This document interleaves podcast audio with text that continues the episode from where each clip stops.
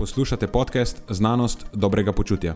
To je oddaja, v kateri odkrivamo, kako lahko znanost pomaga izboljšati vaše počutje in kako kritično razmišljanje omogoča sprejemanje dobrih odločitev na področju zdravja in fitnesa.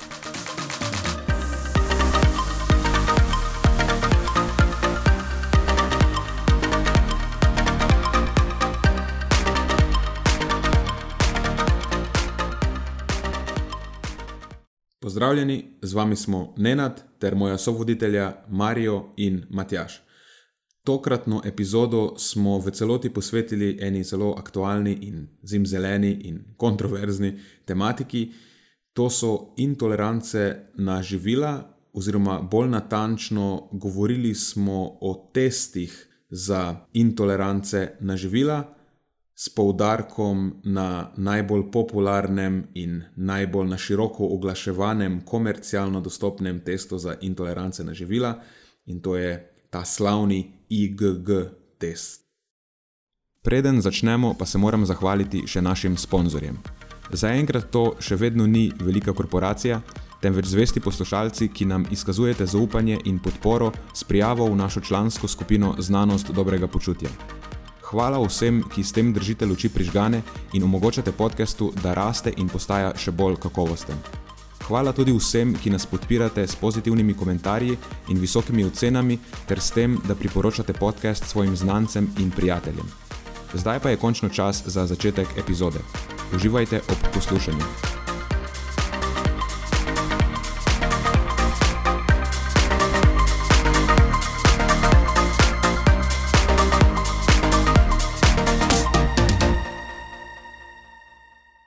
Mislim, da nismo še nikoli se pogovarjali na tem podkastu o intolerancah in o, predvsem o testih za intolerance.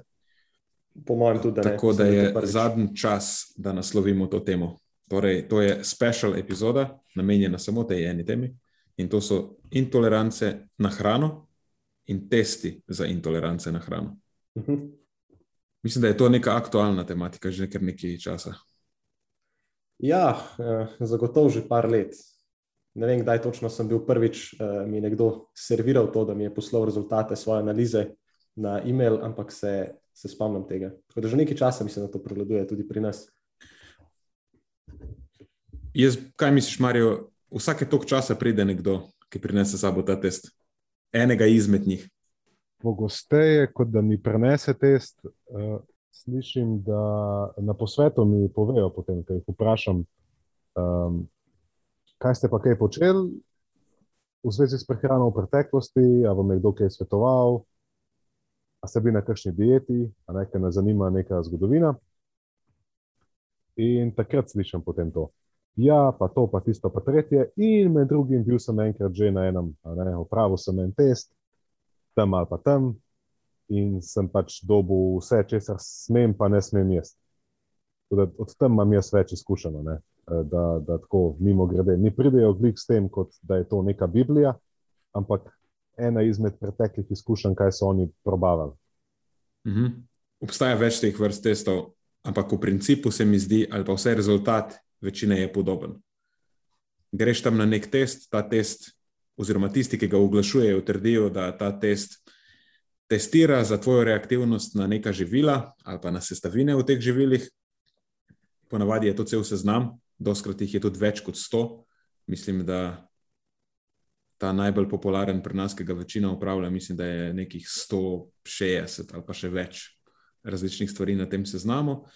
No, in poloni to tebi potestirajo, in nazaj dobiš spisek, nek seznam živil, kjer so ponovem za te bolj ali pa manj prepovedana. Doskrat je tudi nek semaforček narisan, če se ne motim.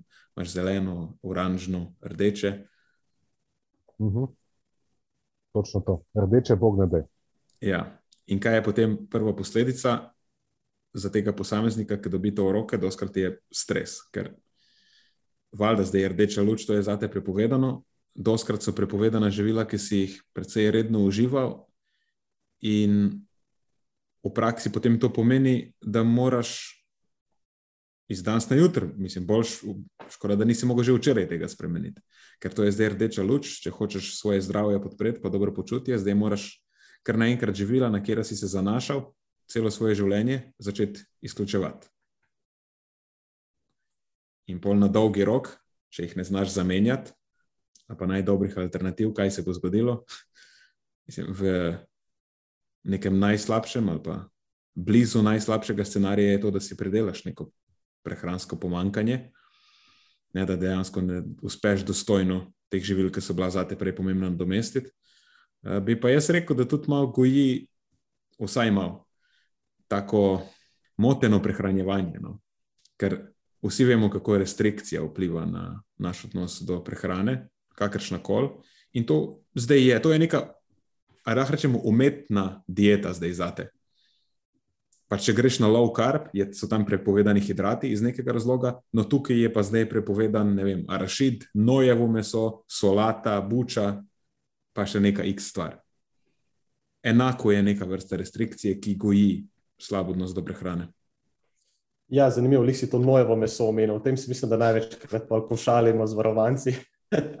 Ker na seznamu teh 150 plus živil, izdelkov, kakorkoli že, se vedno najdejo neke take absurdne živila, ki jih nihče izmed nas ne vključuje na redni bazi v prehrano. Um, ampak ja, promaš, ne, nekako spodbuja tak, um, neke vrste tak črno-bel pristop k prehranjevanju, v katerega hočemo uh, izkoreniniti, ampak mogoče iz enega drugega, drugega zornega kota, kot smo sicer vajeni, uh, napram kakšnemu, rečemo, čistunskemu načinu prehranjevanja, ker živila delimo na dobra, slaba. Samo taka druga plat istega kovanca varianta. Eno izmed najpogostejših vprašanj pri prehrani, tako po moje, na svetu, je, da ti meni povej, kaj naj jaz jem. Ani, ani vsaj Se spomnite, da ste to na zadnje dobili? Takoj, ko nekomu poveš, čim se ukvarjaš, ne, je to nekaj, kar zelo pogosto. Da ti meni sam povej, kaj bi jaz mogel jesti. In ti testi. Ja, še posebej v kakšnih družbenih situacijah. Ne? To je, vse to mislim. Tako pogovorno. Ja. Vse ne mislim, tako pogovorno. Uh, vsak od nas se je kdaj znašel v situaciji, kjer greš v nekem družbenem settingu jesti, in potem, ko nekdo ve, kdo si, vsak se boji, zdaj bo pa Marijo meni gledal v krožnika, ne, pa tako te forme da se boš ti meni povedal, pa, kaj jaz moram jesti, pa bo vse lepo in prav. No, in ti testi se mi zdi, da so najboljši približek temu odgovoru v očeh ljudi. Nič drugega jim ne da ne, takšne, takšnega upanja, takšne ideje, nič jih ne pripelje tako blizu. Tam dobesedno po teh testih vidiš, da ja, točno tega ne smeš jesti in točno to moraš jesti a ni idealno. Pač zelo škoda, ker ni res, ne? ampak bilo bi pa super, če bi bilo. Perfektno bi bilo. In, in ta ideja, ker se tako komunicira, pač test, tudi tako se komunicira, namreč ta produkt, ta test ti bo točno povedal, kaj je za te dobro in kaj ti škodi. Idealno. Ja, in to, to kakšne mere ti škodi, ne? s pomočjo tega semaforčka, rdeče, rumeno. In če pogledaš, ko dobiš ta izroček, je to idealno, najprej ti pove, to ti je zeleno, to ti je rdeče, in potem te zapelje ne, skozi uh, um, dejanske primere na koncu celo. Ne, najboljši izdelki imajo, da na koncu celo dobiš tako primere, ne, kako ti zdaj to kombinira. Da, ma, to, je, to je perfektna, ne, na videzno, ustvarja neko iluzijo popolne rešitve. Pa to je zdaj, nekdo je mene pregledal in zdaj na osnovi individualno mojega primera je on zdaj meni svetoval prehrani. Ampak mene to precej spominja na, a veste, ti si mi na zelo govoril veliko bioresonanci. Jaz opažam tudi pri bioresonanci eno zelo zanimivo uh, podobnost. Kdorkoli je kadarkoli šel v bioresonanci, obstaja vsaj 80-odstotna verjetnost, da je dobil diagnozo, da ne sme laktoze pa glutena. Ne? Smeješ se, ker je res, ne, tako, ne sme tako, eh, laktoze, absolutno ne. Tako, to je prva stvar. Tako, po, po, po diagnozah bioresonančnih terapeutov je tako 80% populacije netolerantne na laktozo. In zdi se mi, da je tukaj podobno. Jaz sem se kar nekaj teh testov nagledal in sem videl isto. Ne? Tako večina populacije je imela rdeče, ne, ena ista živila. Uh mhm. -huh. In seveda boš ti pojasnil, zakaj je, zakaj uh, je to tako. Ne. Ja, eh, nismo niti povedali, o katerem testu točno se bomo najbolj pogovarjali. Obstaja več vrst teh testov, in če zapakiraš vse te teste v eno skupino različnih, komercialno dostopnih, ne, to je zdaj tukaj razlika. Imáš metode, ki so validirane, ki jih uporabljajo v medicini, in imaš pol neke komercialno dostopne teste, ki so v bistvu niso, večina jih ni validiranih. Mm, in sem v to skupino komercialno dostopnih, v bistvu lahko tudi bioresonančne te teste zapakiraš. Ne? Se tudi bioresonančari, sicer ne vem, kako to delajo, in tega sem videl malo manj. Eh, bolj sem slišal samo, kako to delajo, in nisem bil navdušen, rečemo temu. uh, ampak potem eni testi, ki pa so trenutno najbolj popularni, in tudi je čez njih tako prevlečena ta maska da so znanstveno utemeljeni na nek način, ker jih v zadnjem času propagirajo tudi ljudje, za katere smo mislili, da so resni in evidence-based, in tudi v bistvu laboratoriji, ki se ukvarjajo z resnimi analizami krvi, so jih začeli prodajati, ker, veš, če je laboratorij komercialen. In mora, ima bottom line, pač na koncu leta mora zaslužiti čim več denarja, da pokrije svoje stroške in tako lahko vzdržuje svoje delovanje. Potem, če je neka stvar finančno zelo privlačna, bo seveda izbral tudi to kot opcijo. Zdaj ne, je prosti trg, ljudje se lahko odločijo sami, kaj bodo upravili in kaj ne. Tako da je potem lahko malo preložijo odgovornost na neuke potrošnike in oni pa si izboljšajo svoj bottom line. Uh, je pa pač potem škoda storjena na ta način, ker nek laboratorij, za katerega ti dojemaš, da je verodostojen, da lahko jim zaupaš, da upravljajo samo resne preiskave, potem znotraj teh svojih preiskav ponuja tudi storitev, ki je eh, bolj ali manj neutemeljena, pa pač nedokazana. Eh, in ta najbolj, nisem omenil imena, spoh, je ta IgG test za intolerance na živila. In to je ponavadi tudi ta test, ki da rezultate v smislu semaforčka. Mogoče najbolj, da zdaj razložiš, kaj za vraga je sploh IgG, pa IgE in podobno, in kaj je razlika v tem. Ja, dobro, zdaj tukaj v imunologiji se jaz ne bi nekaj spuščal, se bom, bom to in tako sem nameraval kasneje narediti. Še predtem, spoh začnemo, je e, ena zelo pomembna stvar. Ko ljudje dobijo te rezultate, pa potem tudi, če dejansko se držijo, pa začnejo izključevati v njih ta rdečih. Ni zelo redko, da nekdo opazi izboljšanje simptomov na prebavi, ne? ali pa nekega počutja, in tako naprej. Že v startu se je treba vprašati, ali je to pač lahko uh, malo placebo. Vsem ti je bilo nek zelo resen list papirja, si dobil in tam so rezultati, in zdaj ti to začneš izključevati. Prebava je ena stvar, ki zelo dobro se odziva na to, kako smo mi miselno naravnani, rečemo temu. Uh, ne, je stvar, uh, ki je pod vplivom naše psihologije, tudi vsaj do neke mere, pa splošnega počutja. In zdaj, če ti verjameš, da to deluje, ko pač se ti zmanjšajo simptomi, ali pa ti, ti lahko ti malo olajša, vsaj občutek dobiš, da so se ti olajšali simptomi. Uh, po drugi strani pa ja, dejansko lahko ima učinek, ker recimo, da imaš neko resno intoleranco. Da, da si na nekaj intoler, intoleranten. Um, pa zdaj pač po šotgunu če ti izključiš ne, deset pomembnih skupin živil. Ja, mislim, dejansko po nesreči lahko zadaneš eno. Več kot jih izključiš, večja je verjetnost, da boš zadev tisto, ki ti povzroča neke težave. Ne glede na to, je ta test relevanten ali ni.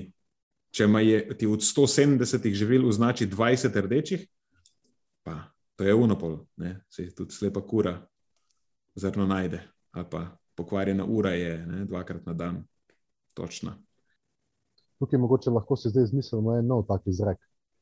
Zdaj si omenil dva, mogoče si lahko mi izmislimo, pa patentiramo enega o intolerančnih testih. Tudi intolerančni test, da polnite me. ja. je, če testira za 200 živil, je najbrž en, če imaš intoleranco, točen. Evo, pa igra verjetnosti. Um, ja, mislim, kar se teh intoleranc tiče, je tako zelo težko, je uh, čist na subjektivnem nivoju. Ne moreš zanemariti, če ti nekdo pride in ti reče, da sem intoleranten. On te simptome sporoča, zdaj je on intoleranten ali kaj drugega težavo povzroča. tega niti ne moreš reči. Poleg tega pa ti simptomi so doskrat tako generalni. Ne?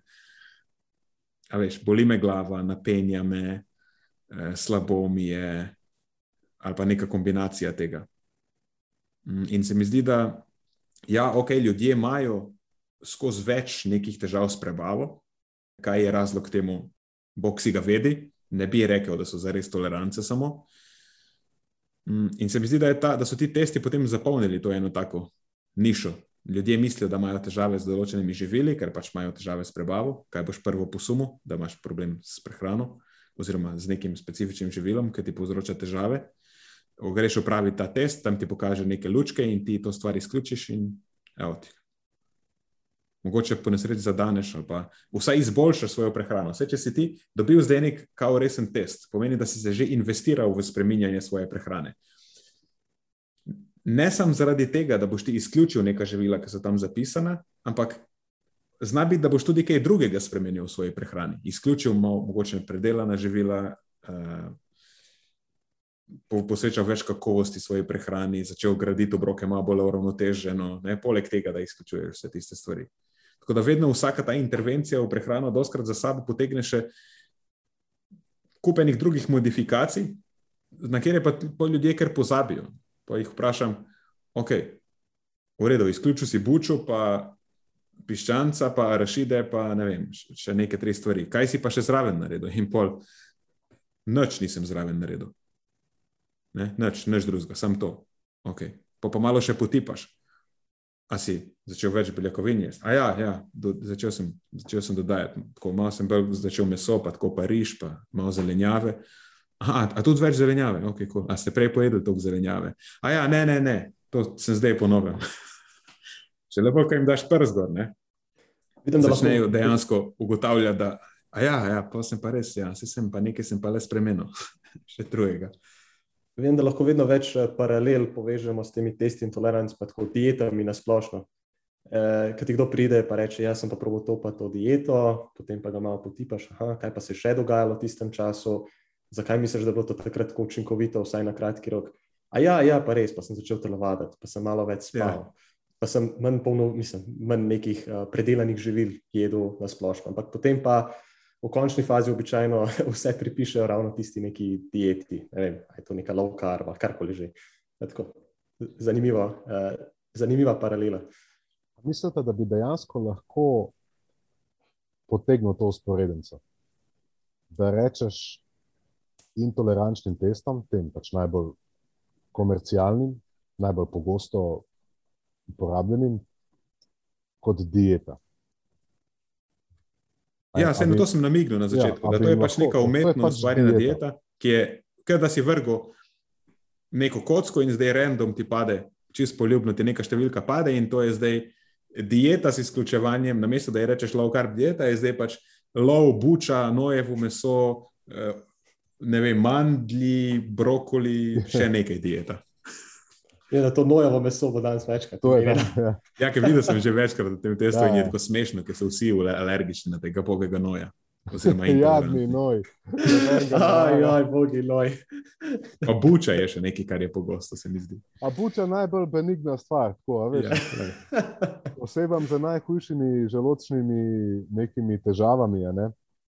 Uh, od vse zelenjave ponavadi ono, da je malo buče pojej, ker to je pa res safe. Ne. Bučno juho, ne. A veš, ne, tako najbolj. Čakaj, fanta, Ampak... ne se heca, naslednja bestseller uspešnica bo The Butchless Diet. Eno stvar je Nenad prej povedal, ki mi je bilo zelo zanimivo, ker si govoril o stresu. To se mi je, to, to se mi je tako posvetlo kot nekaj, kar takšen način prehranevanja oduzame. Pravi, ni, ni keč kaj doda, ampak oduzame. Dost diet mogoče doda stres, ne, doda neko kompliciranje. V pismu zdaj moram hidrate nehati jesti, pa moram loviti 70% maščob, recimo, če govorimo o keto, se pravi, doda nek stres. Ampak zanimivo pri tem je, da na nek način se mi zdi, da stres lahko celo oduzame. Kao mene zdaj boli, omenil si ne da neko napihovanje, bolečine v želodcu. Ne, recimo, da si v nekem moraš biti v neki paniki, da greš to delati. Kdo so ljudje, ni sploh v paniki? Ok, dajmo govoriti o teh, ki so. Ne? In recimo, da ti imajo nek stres in pol vidijo, da to je tako enostavno, samo, samo to ne smem ali pa moram jesti in, in tako, zdaj, zdaj razumem, zdaj mi je lažje. Ne? In pa se lahko neke stvari zgodijo. Spomnil sem se ob tem na eno zgodbo ene zdravnice, ki jo poznam in to anegdoto mi je ona povedala, pa bi bilo zanimivo, lahko jo delim.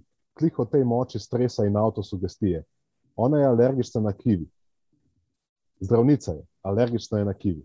In bila je pri prijateljici na rojstnodnevni zabavi. In ta prijateljica je postregla torto in je pripravila torto. In ta zdravnica je bila stoprocentno prepričana, da je v tej torti kivi, da je okušala kivi. In kmalo potem, ko je pojedla tisti kos torte, je ona začela razvijati znake tega napada. Ne? Pri sebi ni imela epipena in je pač v celi paniki oddirkala, nekdo jo je odpeljal domov in si je doma ubrizgala tisti epipen in pa je šla spat. Ampak to je bilo cel, cel stres, cela drama. Na kar njo kliče naslednji dan ta prijateljica, da preveri, da preveri, če je v redu. In uh, pravi, prijateljica njej, šla sem prvi recept preverjati. Kivija ni nikjer v receptu, kivija mi sploh ne jemo, niti smo ga imeli doma v zadnjem letu, sto procentno ne.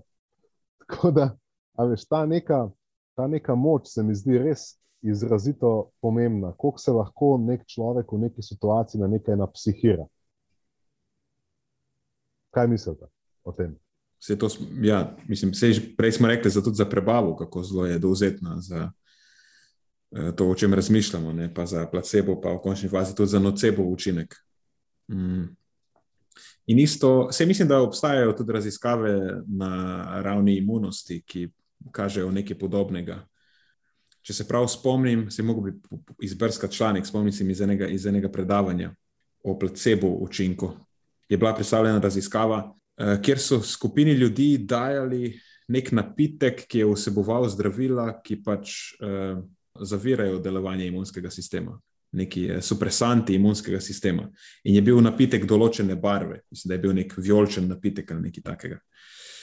In potem, po nekem obdobju, ko so se oni navadili piti ta napitek, ki je vseboval učinkovino, ki supresira imunski sistem, so jim začeli dajati isti napitek, brez učinkovine in so merili enake markerje, in potem, ko so oni popili ta napitek, je bil imunski sistem supresiran. Tako da to placebo, placebo mi si doskrat predstavljamo, a veš, to pa neki neumni ljudje padejo pod vpliv. Ne, ne, to je mehanizem, ki se manifestira fiziološko, zares. To ni nekaj, kar samo neumni ljudje padejo pod to. Ni, niti slučajno. To je nek resen fenomen, ki ima lahko zelo resne vplive na našo fiziologijo. Tako da to skrat se In v obratni smeri deluje zelo podobno, nocebo. Se temu bi lahko rekel nocebo v končni fazi, ker je prišlo do zaviranja uh mhm. -huh. imunskega sistema, ker so si predstavljali, da dobivajo neko zdravilo, ki pač v narekovajih škodljivo vpliva na uh, imunski sistem. Sej, ni nujno škodljivo, ne? včasih rabiš imunosupresante, če imaš kako imunsko stanje in tako naprej. Uh, ja, prej, če se vrnem nazaj na tisti stres, mislim, da lahko ta test in olajša stres, in uspodbudi stres. Če imaš nekoga, ki ima težavo, pa si je ne zna pojasniti, bolj tudi ta neka taka pseudo razlaga, mu lahko malo oblaži stres, pa bo to imelo znam pozitivne učinke. E, smo pa videli že ljudi, kako so zelo te A-type personality, pa vse hoče imeti pod kontrolo, pa zdaj bom jaz vse teste upravil, pa vse bom meril, pa bom bil heko, pa sem in tja. Gre upraviti ta test preventivno, brez kakršnih koli simptomov, in dobijo nazaj kup rdečih lučk, Ne, oni pa zdaj začnejo stresirati, ker oh, shit, zdaj sem pa jih celo življenje na robe jedel, pa vsa živila, ki jih imam rad, so na tem seznamu. Veš, ni, nisem imel prej nobenih simptomov, zdaj pa kar naenkrat si povzročiš težave. Ne, to je pa tisto klasično, overdiagnosed si zdaj. E, šel si iskati težave. Mislim, če, če test ni indiciran, se to je eno izmed osnovnih pravil. Pol ga ne greš delati. Če ni razloga, da greš upravljati test, pol ga pač ne greš delati, ker obstaja vedno neko tveganje za, za false positive. In mislim, da je to en tak klasičen primer, spoh, če imaš nevalidiran test. Nobenih simptomov nimaš, nobene indikacije, da bi šel ta test opraviti, ampak ti vse narineš v težave. In potem mhm. dobiš nazaj rezultate, ki so pač neki false positivi in ti to povzroča stres, dočim s temi stvarmi spoh nimaš težav. To je super, da si predstavil obe platike. To je dejansko pravzaprav pojasni ob ne, in ene, en in drug, in drug primer pojasnita večino situacij, v kateri se nek človek znajde. Ali ima problem, pa ga proba na tak način rešiti, ali pa nima problema, pa si ga na tak način ustvari. Mm. Drugače, preden zarinemo v tem, bi jaz eh, še dal prst na to, mislim, da marsikomu ni mogoče najbolj jasno, da obstaja bistvena razlika med alergijami in intolerancami. Ker alergija je na nivoju imunskega sistema in jih, jo, mač, čist zelo na grobo povedano, imamo alergije, ki jih pač medirajo IgE proti telesa, ne? pa pač une druge alergične reakcije, ki niso medirane z IgE proti telesu. Pa pol so tudi kombinirane, ampak ok, tretja skupina. V glavnem, to so, to so alergije. Ne? Tukaj pa zdaj govorimo o nekih IgG proti telesih, ki naj bi njihova koncentracija v krvi naj bi pomenila neko intoleranco. Ampak v resnici, ne, ker IgG tudi je na nivoju imunskega sistema, je pač eno izmed protiteles. Samo intolerance nimajo nič opraviti z imunskim sistemom. Veš, pri intoleranci pač gre za težave s prebavo, ki to govorimo o intolerancah na živila. Ne? pač gre za težave s prebavo, ki izvirajo in tudi potekajo v prebavilih. A veš, nimajo intolerance, nima nobenega vpliva na to, kaj se dogaja v krvnem obtoku. Mislim, po mojem, bi res mogel nekaj zelo hudega, na kaj si intoleranten, pa v velikih količinah dati v svoja prebavila, da bi to sprožilo tam neko reakcijo, da bi vdrle stvari v krvni obtok. Uh, ali pa da bi potem vplivala na neka uh, druga tkiva. Ker zdaj to, da citiraš, recimo, kaj so najpogostejše, intolerante na laktozo, recimo v mleku in mlečnih izdelkih. Koliko mleka bi zdaj ti mogel spiti, da ti, vem, dobesedno skoraj eh, raznese črevo, da potem vpliva to na tvoj, tvoj kri in druga tkiva. Ker dokler je to intoleranca, pa zauživaš mleko v nekih še vsem relativno normalnih količinah, ampak tebi povzroča težave, ker ti potem to fermentira v debelem črvesju, ker pač nimaš ustreznih encimov, da bi lahko to razgradil in absorbiral. Je to bolj ali manj pač neko veže vodo v črvote, napenja, imaš drisko, take stvari. In to se začne in konča v prebavilih, na naš drugega ne vpliva. Enako je recimo z intoleranco na fruktozo, ki je še pogosta, ali pa recimo na fermentabilne oligosaharide, pa te sladkorne alkohole, eh, ki jih najdeš v sadju, pa v različnih vrstah zelenjave, Veš, to je pač, ne gre za neko napenjanje, bolečine v trebuhu, v želodcu, mogoče kislina, refluks in tako naprej. E, to ni nekaj, kar boš zdaj ti z meritvami na nivoju imunskega sistema kakorkoli ustanovil, da imaš s tem probleme ali pa ne. In kaj intolerance povzroča, so ponovadi neki pridobljeni ali pa prirojeni deficiti v encimih, ali so to poškodbe, pa bolezni prebavil zdaj mogoče, ajde, bi lahko bila tudi disbioza, ne? kot rečemo, tej neugodni sestavi črvesne mikrobiote, ampak to je bolj tako hipotetično. Glavnem, to so ponavadi razlogi. In tudi validirani testi za intolerance preverjajo te mehanizme. Ponavadi, čistko, spet karikirano, popiješ neko stvar in potem ponovadi se polmeri, kaj se dogaja v prebavilih. Um, enkrat sem šel k gastroenterologini, ne bom zdaj govoril o imenu, ker ni pomembno ampak z njo sodelujemo pri nas že nekaj časa, pošiljamo osebe, ki imajo težave in z alergijami, in s hujšimi oblikami intolerance, o čemer je govoril zdaj Nenad. Pa jih nekako ne znamo pojasniti, gremo tja pogledati, če gre dejansko za kakšne strukturne poškodbe, prebavil, ali kaj se dogaja, ne, za kakšno obliko razdražljivega črvesja gre. Ne, pač to nismo zdaj mi tukaj, da bomo to diagnosticirali. In enkrat sem bil pri njej tudi iz, uh, v samem štartu, pred leti, zaradi svojih težav. In kmalo me je prepoznala, ne vem sicer kako, ampak je potem vedela, kdo sem, pa me je začela nekaj stvari govoriti, tudi iz prakse, pa so se začela pogovarjati kot dva kolega. In um, nekako po nekem naključju je prišel, je, je, je postala tema, so postali tema testi intolerance. In mogel, mogel bi videti izraz na njenem licu, ko, ko je omenila teste intoleranc. Ne? Se mi zdi, da za njih je to tako, kot za nas, nek fat burner. A veš, tako neka, neka, oh, fuck, ne, neka totalno butasta stvar, ki je ne morejo videti.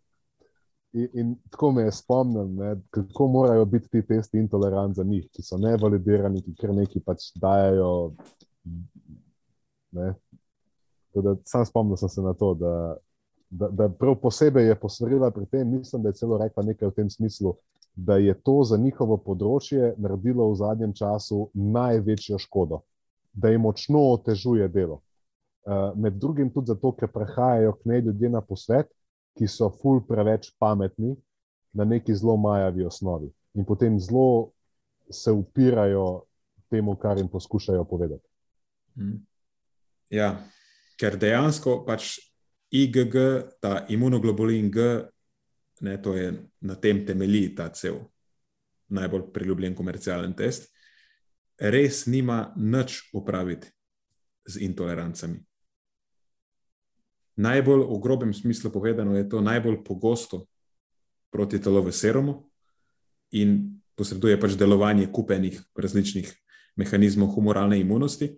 Sta pa dve glavni funkciji, recimo zaščita pred okužbami, pa neutralizacija toksinov. Um, in če imaš povišeno koncentracijo IgG, je to ponavadi posledica izpostavljenosti neki snovi in ne pomeni alergije še manj pa intolerance. In dejansko bi lahko celo obratno, da bi lahko bila povišena koncentracija IgG znak tolerance na neko snov. Torej, čisto obratno. In valjda potem sem šel malo pobrskati po literaturi. Ne, čakaj, kaj? To je fulni podobno. A prav to in, si si dovolil? Okay. Ja, in sem šel pobrskati po literaturi, in obstaja nekaj dejanskih raziskav, imam recimo štiri imam na lagerju, ki so se mi zdele tako zelo zanimive. Maš, to so Tomčič in sodelavci, ni slovenska raziskava, če jih je primek. so imeli otroke z dermatitisom in alergijo na jajca ali pa mleko. In tisti, ki so imeli više koncentracije IgG za jajca in mleko, so kasneje v življenju bili pogosteje tolerantni na ta živila. Ne pomeni, da je njim pogosteje ta alergija izzvenela, če so imeli v otroštvu povišene koncentracije tega. Potem je še ena, Savilahti in sodelavci, kjer so gotovili, da povišene koncentracije IgG za mleko so bile povezane z večjo verjetnostjo, spet, da alergija na mleko kasneje v življenju izzveni. In potem ste še dve, ki se ukvarjata z imunoterapijo.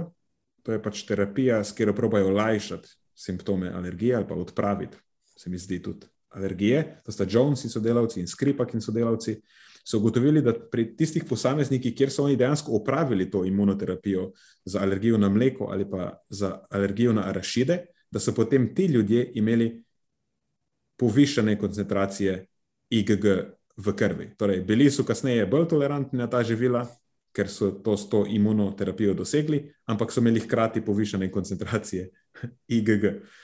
Tako da trenutno, na, recimo, če sklepamo po teži dokazov, uh, IgG testi bolj pogosto identificirajo hrano, ki jo redno uživamo, pa mogoče celo tisto, na katero smo bolj tolerantni, ne pa hrane, s katero bomo imeli kakršno koli težavo ali pa celo intoleranco na njih to meni vse pije vodo, ampak spet se vprašamo o tistem nojevem mesu, zakaj so potem vsi alergični. Ne? to je šala. Nimam pojma, zakaj se realno, to je dobro vprašanje, zakaj se ta živila, živila pojavijo. Mogoče je lahko neka kros reakcija, največ s perutnino ali pa s čim takim, ker to je vse so neki sorodni proteini, to so relativno sorodne vrste. Mm, mislim, da je zelo pomembno, da si izpostavil to ločnico med prvo vrsti, med intolerancami in alergijami po drugi vrsti med temi validiranimi testi, pa med temi nevalidiranimi testi, kot je IgG. Zato, ker dobivam občutek, da ljudje zelo resno jemljajo te teste, kot da je nek ekvivalent temu, če bi šel dejanskemu alergologu, pa bi ti tam, veš, naredili nek tisti klasični test za alergije. Pa temu vsekakor ni tako. Pa se mi zdi, da je mogoče ena populacija znotraj vseh, mogoče še posebej dovzetna za vse te, uh, za, za te teste. Mogoče zato, ker tako lepo fino izpadejo, pa mogoče po drugi strani zato, ker si že ti omenil, da je to populacija, ki uh, zelo rada spedena vse, ne, ima vse uh, spedeno na kupu in to, in to so športniki. Ne. ki bi bolj kot ne radi probali vse ali pa naredili karkoli, samo da se jim izboljša zmogljivost, regeneracija, telesna sestava, kakorkoli že. Um, in, in tudi pri njih mislim, da lahko speljemo še eno uh, povezavo, zakaj so ti testi tako popularni. Uh, ste že omenjali neke težave s prebavo pri, pri nekaterih, ki jih dejansko imajo. Ampak to je ena populacija, še posebej, ki mladi moški športniki, vzdržljivci ali pa ekipnih športov, ki že tako tako rastejo, imajo zelo visoke energijske potrebe, ogromno hrane pojedo. Uh, in zelo pogosto pojedo tudi zelo veliko, podnarekovaj, čiste hrane, ne, polnovredne hrane. In, in tako, ko jim recimo uh, izločiš kako tako malenkost ven, mislim, da tudi oni doživijo tisti efekt, o katerem smo se prej pogovarjali, tiste napačne potrditve, ne, false positive. Um, dočim je v resnici razlog tiči prej v tem, da najbrž, pojed, mislim, najbrž je že sam volumen hrane lahko v nekih situacijah problematičen, še posebej, če recimo pred treningom, ali pa vem, zelo visoko nos flaknin. Ali kakorkoli že. In takoj, ko izločijo kakšne take stvari, oziroma grejo potem šotga na pravču, se jim seveda stvar nekako izboljša vsaj kratkoročno. Dolgoročno pa vemo, eh, kje je zajec tičine. Um, ja, avtomatsko lahko potem začnejo izključevati nekaj živila in pojejo manj. ja. In pač samo kot posledica tega. Plus dobro, da si naredil, to je dobro uvod zdaj v to. Ti testi niso nenevarni. A veš, marsikdo pol misleč, da odkrivajo neke dejanske njegove intolerance, začne na veliko spremenjati svojo prehrano. In ker doskrat so rdeče lučke na živilih, na katerih je prej temeljil svojo prehrano, ne sploh športniki se radi navadijo na neka živila, ki jih je priročno uživati, zdaj začne to izključevati. In za športnika, ja, si predstavljam, da je to še bolj problematično. E, on si ne more privoščiti, da mu neke stvari manjkajo, ker se bo hitro zakopal v luknjo. Ja, točno to. Pa mislim, da. Ja, pa smo včasno tudi v preteklosti točno ta pogovor. Ne? Mi je nekdo potem rekel, ja, ampak le, meni je pa akutno zadeva pomagala. Veš, sej, potem pa, veš, okay, če, že mi, če mi že res recimo, pomagala, ni pa vsaj tako nekako ne more biti. Ne more biti škodljiva, ampak absolutno je lahko škodljiva, to ni benigna stvar. Mislim, da moramo ločiti med tem, kaj nam akutno pomaga, pa potem dolgoročno škodi, pa med tem, kar nam dejansko potem povzroča neke dolgoročne koristi. Recimo, če mene koleno boli, a ne sem se nekaj poškodoval, Uh, če bom jaz zdaj nehal telovaditi, a veš, absolutno telovaditi, je najbrž mi bo koristilo akutno, ker me kolen ne bo bolel, ker ga ne bom, a veš, forsiral več. Ampak to zdaj dolgoročno pomeni, da če jaz ne telovadim več do konca življenja, da, da bo to koristno za me. Ja, absolutno ne, mislim, nekaj, nekaj bom mogel delati. Uh, in, in podobna situacija, mislim, da se tudi tukaj potem odvija. Mm. In enako, mogoče samo v manj ekstremni meri se to lahko posploši na celotno populacijo malo jim pomaga, ampak na dolgi rok, potem, če ne najdejo ustreznih zamenjav, si lahko pridelajo pomankanje ali pa pač neuravnotežijo svojo prehrano. Tako, tako. tako. In ne malo krat bi lahko bil to vsaj eden izmed povodov, vsaj pri športnikih, tudi za kak redes sindrom in podobno. Ja. Omejevanje energije in podobno. Pa kako je to zdaj? Ja, se tudi pri, tudi pri rekreativcih v končni fazi. Ja, ja, absolutno, absolutno če sam če potegnemo zdaj črto, pa podamo neko eh, stališče, je trenutno najbolj utemeljeno stališče, pa ki ga podpira največja teža znanstvenih dokazov, da med prisotnostjo IgG v krvi in simptomi alergij, a pa intoleranc, ni nobene povezave. In to IgG testiranje je nedokazana, pa nevalidirana metoda, in njeni rezultati ne dajo Eh, nobenih klinično uporabnih rezultatov. In ta stvar apsolutno ne bi smela služiti kot podlaga za kakršno koli spreminjanje prehrane, kaj pa šele za popolno izključevanje živil. Mhm. Všeč mi je position statement. In če se potem vrneš na reklame, tudi v tisti laboratorij, ki ga nismo sicer poimenovali, ampak deluje kot verodostojna ustanova, in poskrolaš ta oglas skozi in vse njihove trditve, ta oglas seveda ni podkrepljen z nobenim dokazom, niti ene reference nima. E, mogoče, če bodo to kadarkoli spremenili, bo za nič referenca, ker dobra ne bo obstajala. Tako da lahko si zdaj na tej točki vsak svoj zaključek naredi, samo jaz sem podal reference, oni jih pa nimajo. Mene malo skrbi um, to, kar se dogaja. Ne? Se pravi, imaš diagnostični laboratorij, ki se na nek način loči od nekega prodajalca ne, nekih recimo, prehranskih dopolnil za instantno hujšanje. Vse vsak ve, da je to verjetno bullshit, ampak ajde, bomo probali za vsak slučaj, mogoče pa dela. Ne? Se pravi, tukaj jaz vidim razliko. Ne? Se pravi, da kupamo one diet fast, slim, zgubi 500 kg v dveh minutah, to vem, da ne bo funkcioniralo, ampak ajde. Ne? Tukaj vidim pa, da veš, to so vse en bele halje, vse en so to, veš, to je laboratorij, to so ljudje, ki veš, se razumejo. V, ne? no, zdi se mi, da pač pusti, da pusti ta vpliv, da je pa to vseeno nekaj, kar je na nivoju, da je bolj strokovno. Ne? V bistvu pa, kot si zdaj izpostavil, prodajajo samo malo bolj fino zapakiran boljši. Mm. Ta bela, učinek bele halje, mislim, ljudje morajo razumeti, da študenti na fakultetah, ko delajo v laboratoriju, nosijo bele halje. Belo haljo lahko kupiš v Sanolaborju za 10 evrov. To, da imaš oblečeno belo haljo, še ne pomeni, da si verodostojen vir informacij o nečem povezanem z zdravjem, nečem podobnem. In ljudje, ki delajo v diagnostičnih laboratorijih, okoli njih je ta nek halo, da oni pa zdaj vejo. Ampak imamo tu dober primer, kako uh, dva imata YouTube kanal in na veliko govorita o prehrani in sta vir zelo problematičnih informacij v zvezi s prehrano.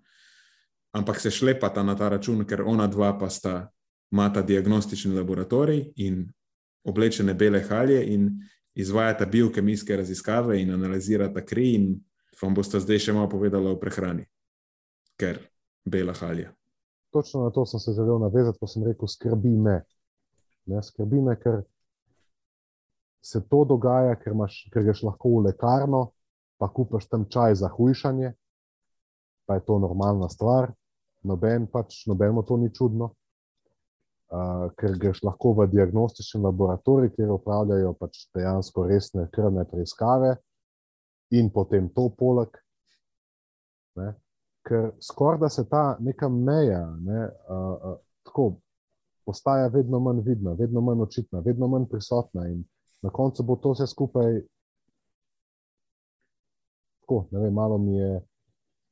Um, malo slab občutek, no? to sem želel povedati. Ja.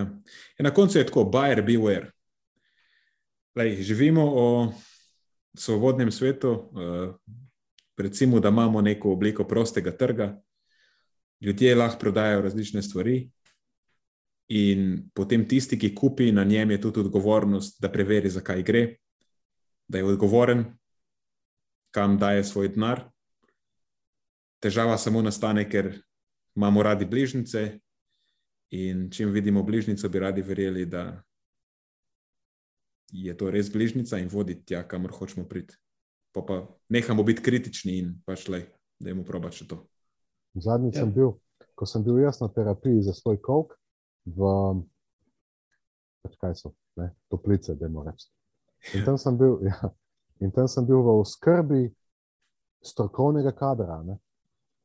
Mhm pa benti, a veš, nekje moš. Recimo, da smo ljudje nagnjeni k temu, da zaupamo. Mogoče ne zaupamo na prvi točki, pa ne zaupamo na drugi točki, ampak nagnjeni smo k temu, da nekomu želimo, nekomu skoraj da moramo zaupati. Ne? Lahko ne zaupam zdravniku, ampak bom pa zaupal onomu, ki govori proti njim. Nekomu moram. In tudi tam sem opazil, da se pravi, oni zdaj zdravijo moj, moj kok s temi nekimi mašinami, ampak istočasno, ko čakam na preiskavo, berem reklamo za vitaminske infuzije. Ne? Spet druga tema, ampak isto sranje, drugo pakovanje. Ne? Tudi recimo, za vitaminske infuzije ni kot ne, za uh, teste intoleranc, ni uh, znanstvene podlage o neki super, duper učinkovitosti v primerjavi z Ja, obstaja pa en kup nevarnosti, ki je povezan s tem. Obstaja pa en kup nevarnosti, celo, tako kot recimo v tem primeru. Ampak ne, jaz sem zdaj tam v strokovni ustanovi, ki me zdravi in gledam to reklamo za nekaj, kar v bistvu mi lahko škoduje in nikakor ni strokovno potrebljeno. Grem v lekarno, kjer lahko dobim zdravila za mojo bolezen in istočasno, istočasno kupim čaj za hujšanje, ki absolutno nima veze z ničemer, in grem lahko opraviti krvno analizo, ki, mu, ki ga pošljemo mi tja, da opravi analizo krvi, recimo za vitamin D, za karkoli že, kar ima veze, in tam mimo grede opravi še teste intolerance na hrano, kar je spet. A razumeš, to je, to je nek absurd. Uh, ker razumem, da opozarjaš, pač buyers beware, ne, se pravi, moramo biti vedno bolj uh, pozorni, ampak nagnjeni smo k temu, da zaupamo in težko, težko razumemo ljudje, se mi zdi, da je en ponudnik tak, ki mi lahko ponudi nekaj, kar je za me koristno, in mi istočasno mhm. ponuja tudi nekaj, kar je za me nekoristno. No, na to sem želel opozoriti s tem malo daljšim um, monologom. Ne? Uh, da, da nam to ne gre skrb. Ljudje skoraj da nimamo te kapacitete. Ali je nekaj zdaj dobro za me, ali je nekaj zdaj slabo za me, ne, ne zdaj jeba. Ne? In tukaj imamo zdaj primere, kjer ni glih tako. Ne? Ja. Tako, kot imaš osebnega trenerja, ki je dober osebni trener, pa ti je pomagal, pa se dobro razumeta, pa pa te hujska proti cepljenju. ne, odličen primer. Ne.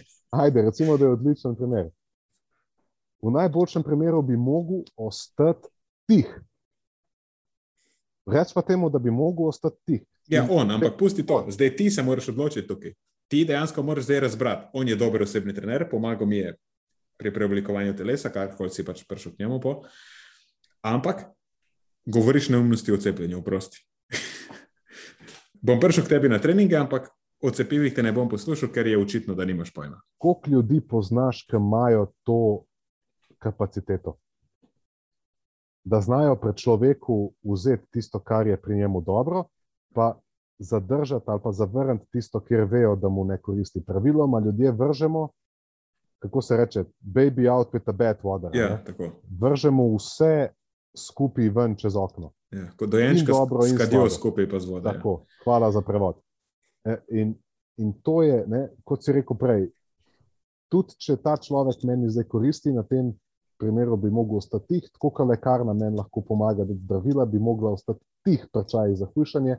Tako kot tisti test laboratorijski bi mogel mi dati analize krvi, ampak bi mogel ostati tih ne, pri, pri analizah krvi, in tako dalje, ne, da se ne, uh, ponavljam. Da mislim, da je to precej, precej zahtevno, da moramo zdaj pri vsakem posamezniku gledati, ne, kako in biti kritični. Ne moreš, praktično ne moreš več nekomu zaupati v, v, v popolnosti, ampak klih temu smo nagnjeni. Ja. Uh, zdaj razmišljam, ker tudi jaz nisem sposoben tega.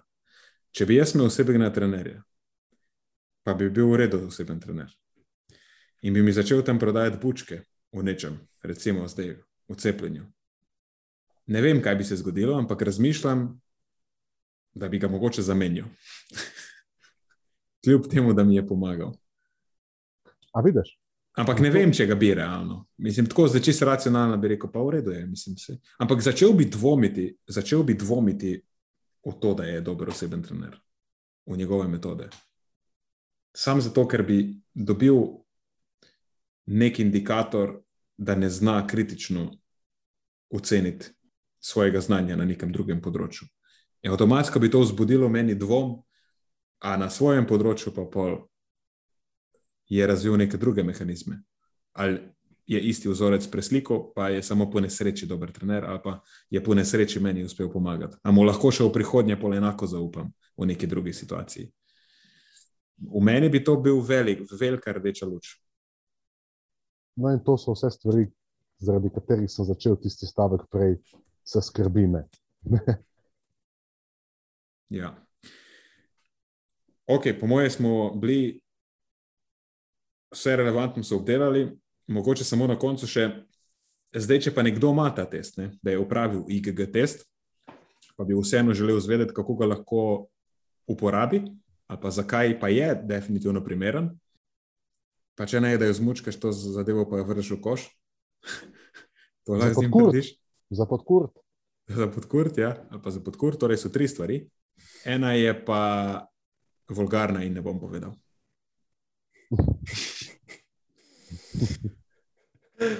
In na tej točki zaključujemo epizodo. Točno. To je za tokrat vse iz naše strani. Hvala, ker ste poslušali do konca. Delite epizodo s svojimi znanci in prijatelji in jo priporočajte dalje, saj s tem omogočite, da sporočilo znanost dobrega počutja doseže čim večjo množico. Hvala vsem, ki nas podpirate s članarino in tudi vsem ostalim, ki delite podcast dalje in nam izkazujete naklonjenost z visokimi ocenami in pozitivnimi komentarji. Se slišimo prihodnjič, do takrat pa ostanite premišljeni.